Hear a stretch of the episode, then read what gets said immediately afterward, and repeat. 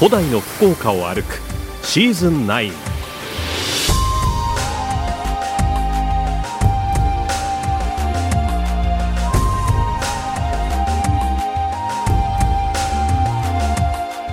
遥かな昔海の道からそして陸路を通じて福岡にはさまざまな文化が入ってきました。その足跡を訪ねる古代の福岡を歩くシーズン9この番組は宮山市の企画協賛餃子の山八道の駅宗像草と共に生きるオーレックの提供でお送りいたします。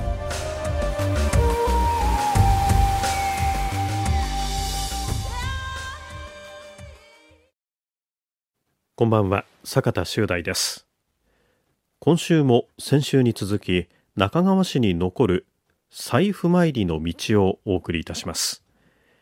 ご案内は中川市の歴史ガイドボランティア中川の白津美恵子さんにお願いしました。先週はセブンビリオンというゴルフ場前を出発。県道56号線を中川市に向かって500メートルほど進んだ西畑という三叉路まで歩いてきました。今週はその続き西畑の少し先の別所というところに来ています。えー、県道56号線が横を通っておりまして、えー、56号線の横に、まあ、少し大きめの川が流れています、えー、幅そうですね10メーターぐらいあります、えー、その川が流れてるすぐ横の方に道路が、えー、そうですね幅2メートルぐらいの道路が、えー、ありましてこれはあの舗装されてない山道ですね。そのまま残っているというところです。そこを今歩いています、えー、上流へ、えー、少し向かっているようなところですね。大変、えー、道が悪いというところで、えー、落ち葉がたくさん落ちてて滑りやすい道路になってますね。その道路を今白津さんの案内で、えー、上流へ向かって歩いているとここはあの別所っていうんですか？はい別所なんですね。はい、はい、そうですね。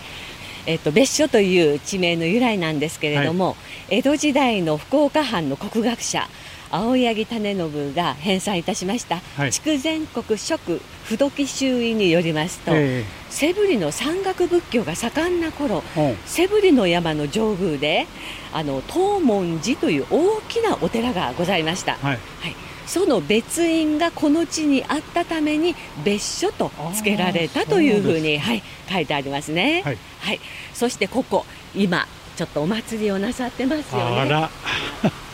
えー、ここは石仏ですか？そうです。別所の阿弥陀仏っていうことなんですが、えー、石仏の大きさがあまあ50センチぐらいの大きさかな、えー、1メーターぐらいありますか、ね、ああ。えー、かなり下に 入り込んでますからね、えー、高さは1メートルぐらいあったと思います。幅が7 5 0センチあります、えー、その石仏がですね、え相当年代が経ってると思われるのはその石仏に覆いかぶさるように木の根っこが、え乗っかるように ありますね。大きな木がね、えこの木の年輪も相当古い年輪を持つ木じゃないかと思います。でその横に小さなあ仏様が一つあるといったようなところですね。この阿弥陀の石仏なんですが中川市で一番古い石仏で、天平12年西暦にしましたら1357年に建立されたものなんですね。はい、その頃はですね南北朝時代で当時九州では南朝型の金吉親王を奉ずる菊池武光、はい、そして北朝型九州短大の一式の龍二、はい、そして足利忠冬についた筑前守護小児の三者が三つどもえに戦っていた時代でもあったわけなんですね。はい。この石仏に彫られている年号が南朝型のものであるから当時の岩戸郷別所は南朝型の支配下にあったと思われます、はい、南北朝時代の約60年間は全国が戦乱に明け暮れた時代ですので、はい、この石仏は戦で亡くなった方々のお弔いと救済を願ってのことだったのかもしれません、はい、この阿弥陀仏様の例祭はですね毎年4月に別所の役員さんたちによって行われております。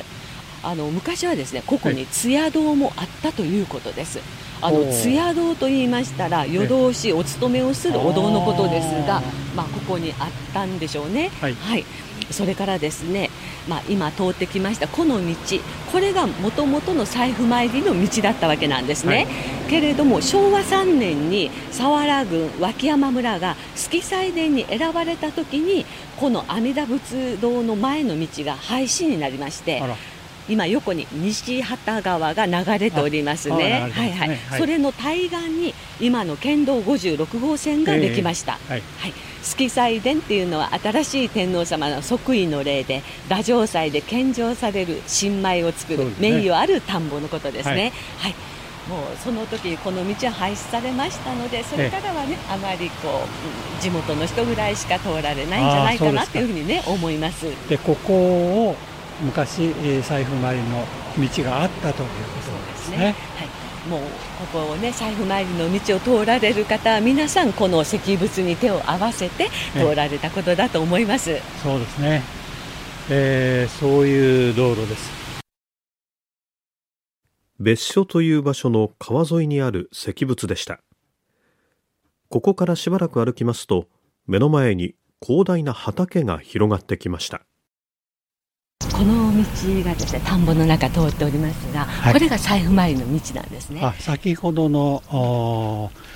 えー、川淵からちょっと入ったところですね。そうですね、えー、川が流れているところから少し入ったところですけど静かな田んぼが 広がってますね。広がってますでしょ？別所というところですね。うん、別所というところですね。はい、でここは財布前の道と言いましたが、はい、ここにも天神様が祀られてあります、ね。えー、この田んぼの中をね、ね通っていったんですね。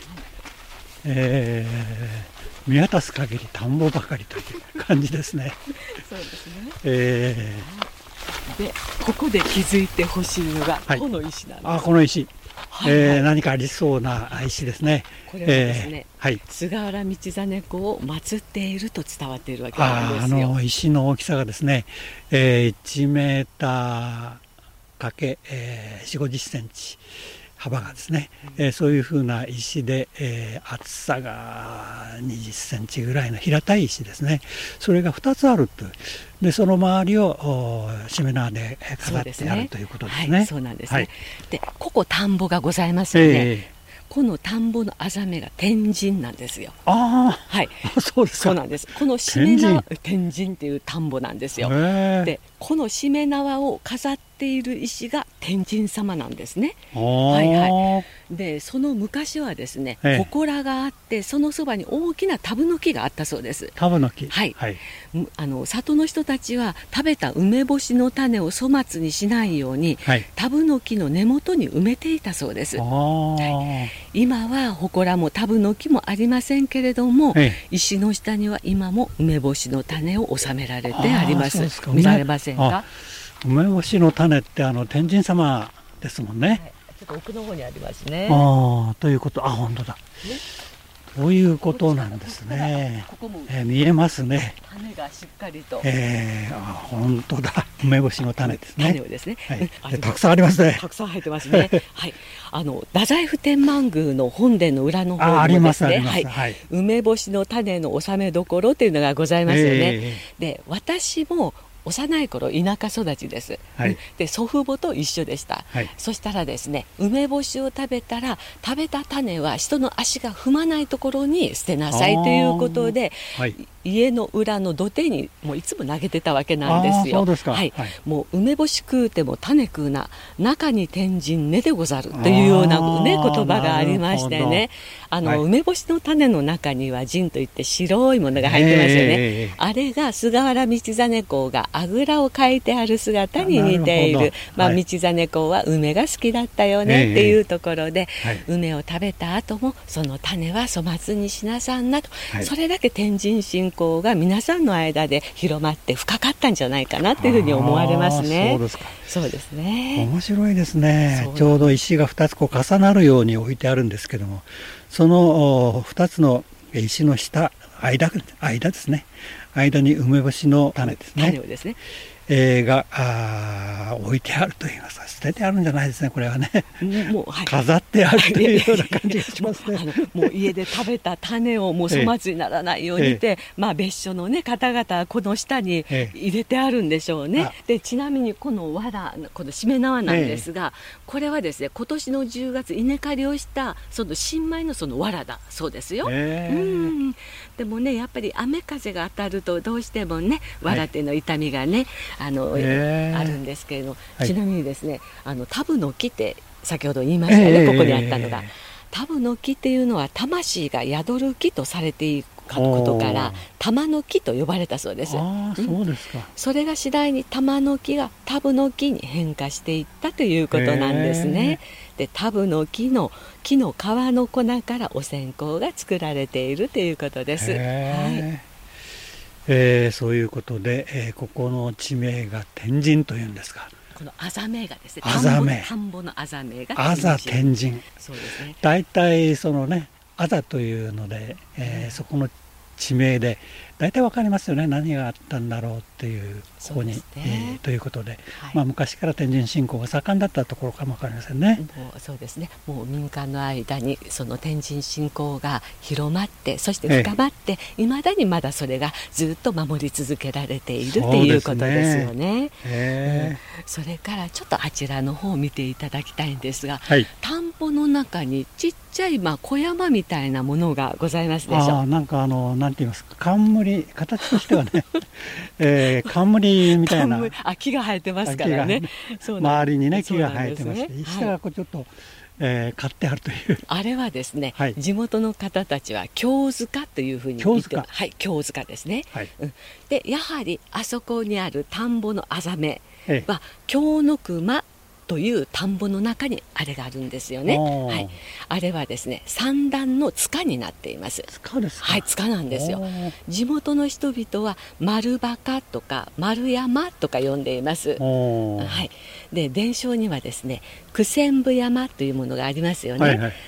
のそこの由来とも関係しておりまして、小空上人が経文一万部を読もうと山に入りましたが。はい千部を9千部を読み終えて残りの千部をここで読んで埋めたと郷土史中川の方には書かれております。あそうですか、はい、はい、そのことから京塚と呼ばれるようですね。お経の京、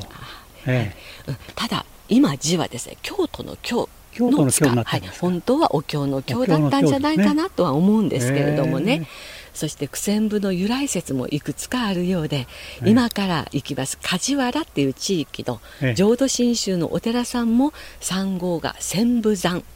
新教寺っていうんですよね。そばを梶原川が流れているんですが梶原川の源流が九千部なんですよ、うん、だからその九千部とその三号である千部さん。何かつながりがあるようですね、はいはい、また佐賀の方でもまた違った九千部の由来がありますね。あそうですか、はい、はい、はい地元の方が天神様とおっしゃってるその石が2つ置いてあるところからですねはるか50メートル100メーターぐらい先になりますかね、えー、大きさは結構ありますね。4 5 0メーターぐらいあると思います。広さが。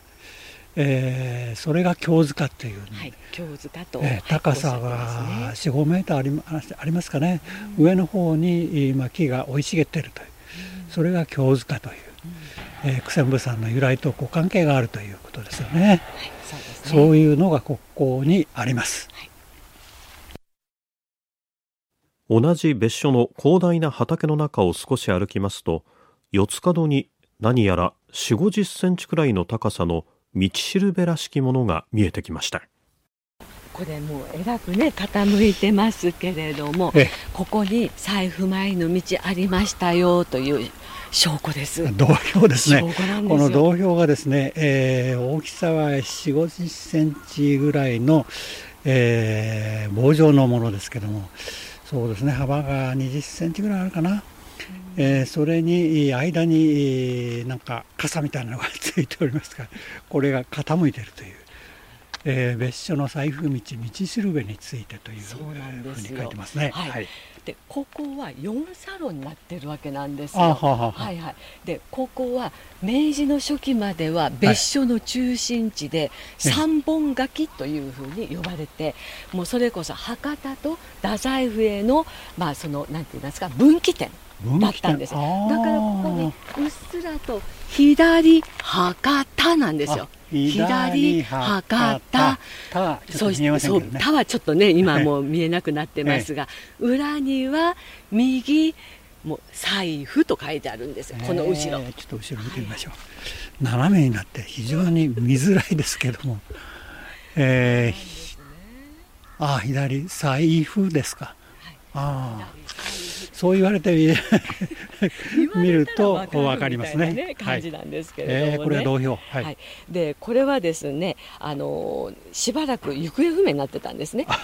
あ。の水道のまあ施設工事とか道路の拡張工事とかで行方不明になってたんですが、地元の人たちとあと郷土史の愛好家の人たちで二十数年ぶりに見つかって今こちらの方にまたあの置かれているというものなんですね。はい、はい、でこの三本柿明治の頃ですよね。多分この名前からして三本の大きな柿の木があったと思われます。はい、で、はい、この別所の村の方々はですね、はい、待ち合わせの場所。三本柿に何時ねと。待ち合わせの場所にもなってたんですね。あそうですか、今ちょうどここ、駐車場になってますよね。ますよね。えー、車がたくさん止まってますが、はい、でここが待ち合わせ場所。はい。そしてあの昭和の中頃ぐらいまで八木堂病院という病院がありましたし、ええ、あの国旗掲揚台があってお正月とか祭日には日の丸を上げていたということですね。はい、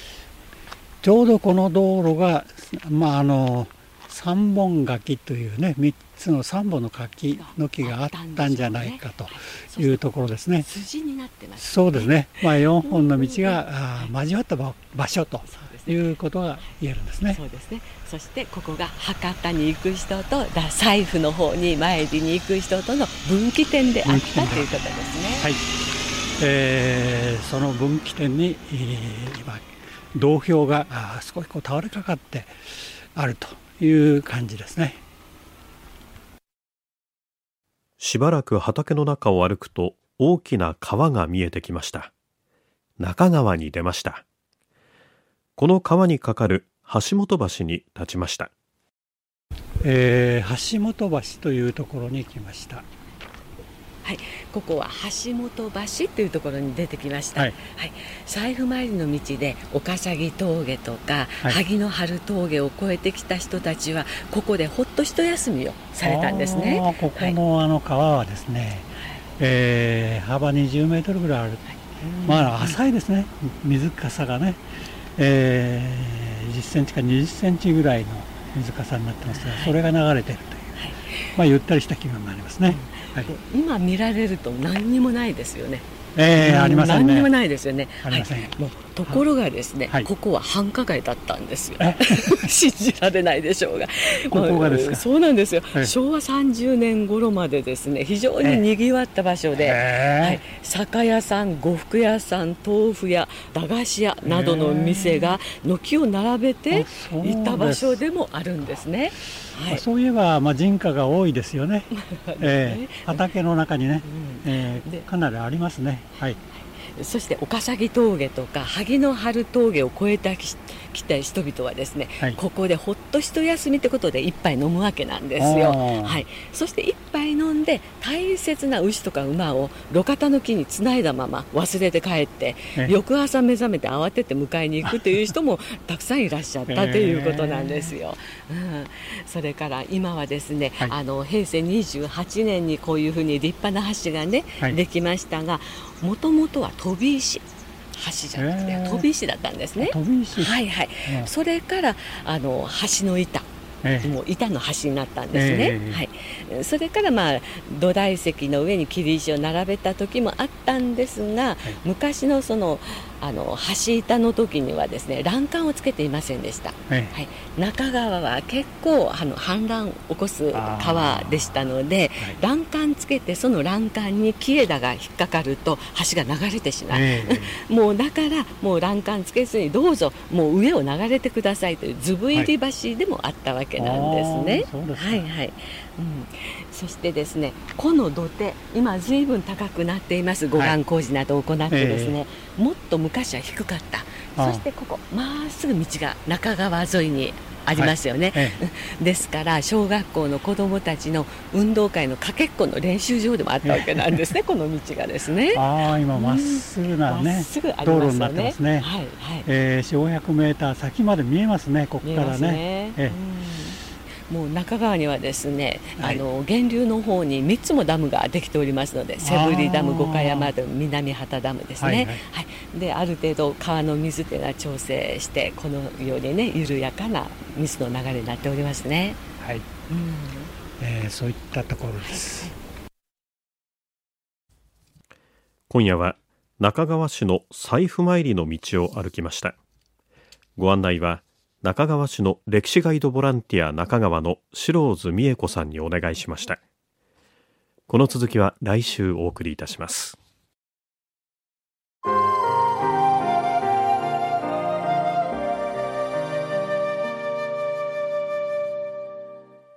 ここで古代の福岡を歩くリポーターの中島理恵さんです。こんばんは中川市に行ったらぜひ行ってほしい場所の一つに、荒人神社という神社があるんです。漢字で書くと、現れる人って書いて荒人神社なんですけど、うん、実はですね、この荒人神社、5年くらい前からかな、変化が行われてまして、何でしょう？昔私の知ってた荒人神社と違ってるんですよ。えー、あの、先代の宮司さんのお孫さんが新しく宮司さんになられて、この方が30代の半ばなんですね。で、この影響もあるんでしょう。ちょっとね、キラキラしてきました。仕事運の神様としての存在を前面に出してきてるんですね。えー詳しいお話を荒人神社の権ネギの川添智樹さんに聞いてきました。この仕事運の神様を前面に出してきたのは、この荒人神社の由来に関係してるんです。この住吉祭神と、あの、神宮皇后をお祭りしてる神社なんですけれども、神宮皇后が朝鮮半島に遠征した時に荒れ狂う荒波に悩まされていた、その時に起こった出来事がベースなんです。その時に船のへ先にですね、当社のご祭神がお現れになって、え、無事に行き帰りを導いていただいたということがあったんです。で、その時にその無事に行き来ができたということで、皇后様大変お喜びになられて、感謝されて、で、その時に人の形となって現れてらっしゃるので、荒人大明神ということで、そういう尊号、お名前を授けられてお祭りしなさいというふうにおっしゃったんです。荒人神社。で、これがどう仕事運につながるかと言いますと、はい。えー、荒波等を無事に乗り越えて、えー、お導きをされるお神様ということで。で、今の時代にも、いつの時代でもお仕事とか、まあさ、まあ恋愛だとか、そういうご生活の中でいろいろな困難とか、まあその支障とかですね、苦難を乗り越えて導いていただけるということで、仕事運向上というふうなご利益でお参りされている方がいらっしゃったということですね。うん、プロジェクトがうまくいきますようにという願いが叶いそうですね。ですよ。がもともとそうやってお参りしてた方がいらっしゃるんで、じゃあこれをもっとわかりやすく前面に出していこうっていうことだったんですよね。はい、でもこうしたことによって、初めてでその荒人神社の由来ですとか、あと神宮皇后のことを知ったっていう人も出てきてるわけなんですよ。で、やっぱり、お守りも充実してました。仕事運の向上とか、え就職成就のお守りなんていうのもあるんですよ。でも私が一番心を惹かれたのが、あの神宮皇后をかたどったというか、イラストにしたステッカーができてたんです。あ、これは、あの、ちょっとこう、現代風のポップなキャラクターとして描かれてますね。そうなんですよ。うん、軍船扇を持って、凛々しく戦いに出かけるかのような美しい女性の絵が、そうですね、手のひらサイズの、だから高さ5、6センチ、7センチあるかなぐらいのステッカーになってるんです。しかもシルバーでキラキラ輝いてます。そうなんですよ。なかなかすごい。なんでステッカーにしちゃったのか嬉しくって、えー、これも川添権ネギに聞きました。あの、無事にお導きをいただいたということで、その神宮皇后様の、えー、お姿をかたどったステッカーを、で、道中安全ということで、そのステッカーに記してお分かちをしております。道中安全？何用にお貼りすればよろしいんでしょう？あの、お車にお貼りいただく方もいらっしゃいますし、あとは、旅行の際ですね、あの、スーツケースなどにお貼りいただいたりとか、あとはタブレットとか、PC、パソコンにお貼りいただいている方も多くお見受けしますけど。うん。ね関西さんご自身はって聞いたら、あ、僕はタブレットに貼ってますっておっしゃってました。そうですね。で、あの、これあの、イラストも地元の中川出身の伊佐山直也さんという方がお書きになったそうなんですが、こうやってこう地元にこう盛り上げムードが持ち上がってるんですけど、さらにあの、お導きの神様っていうことで、若い女性は恋愛に対してのお導きって言って、いろいろ足しげく通ってらっしゃったりとか。私が行った時にはですね、あの仕事のことをお願いしてる、ちょっとお姉様っていう感じの方もいらっしゃったりしたんですよ。で、恋愛で行くと、恋の木っていうのを境内に作ってて、恋愛用の恋、魚の鯉ですね。の、はい、あの、可愛らしいなんでしょう、形の中におみくじが入ってる恋みくじっていうのがあって、この外側を木にぶら下げて、あの、より恋が実りますようにっていうふうにお願いができるような仕掛けもしてあるんですが、これが可愛くって、他にもですね、あの、えとみくじのえとを並べておいたら、お客さんが、参拝客が勝手に可愛らしく並べ直してハート型にしたりだとか、二重丸にしたりとか、インスタ映えすることになってて、ますます荒人神社は可愛いことになってます。中島理恵さんでした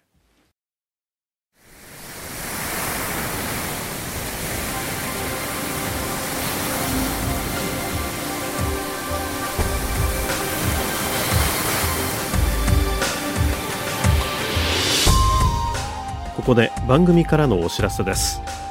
ホームページのご案内です。これまでの放送内容と番組を1回目からじっくり楽しむことができます。RKB ラジオのホームページの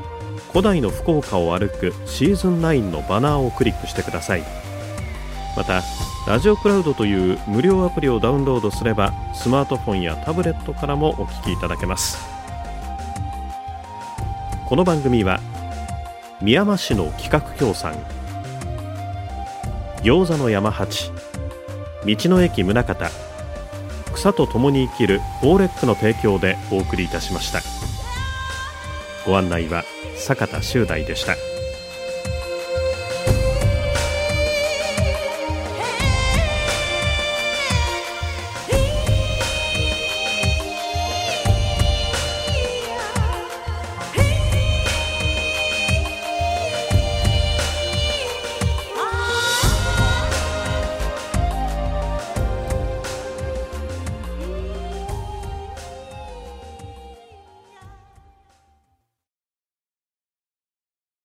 ここで Google ポッドキャストをご利用の方へお知らせです。Google ポッドキャストは2024年6月23日をもってサービスを終了します。引き続きこの番組をお楽しみいただくには、ラジコ、Apple Podcast、Spotify、Amazon Music、YouTube Music、いずれかのアプリをご利用ください。これからも RKB ラジオのポッドキャストをお楽しみください。